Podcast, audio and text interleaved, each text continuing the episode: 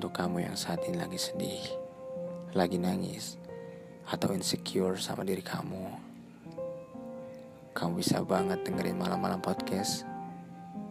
Karena di podcastku,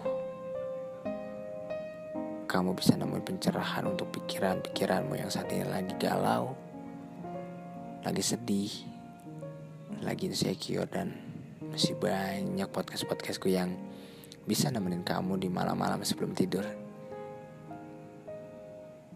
Jangan ragu untuk mendengarkan malam-malam podcast.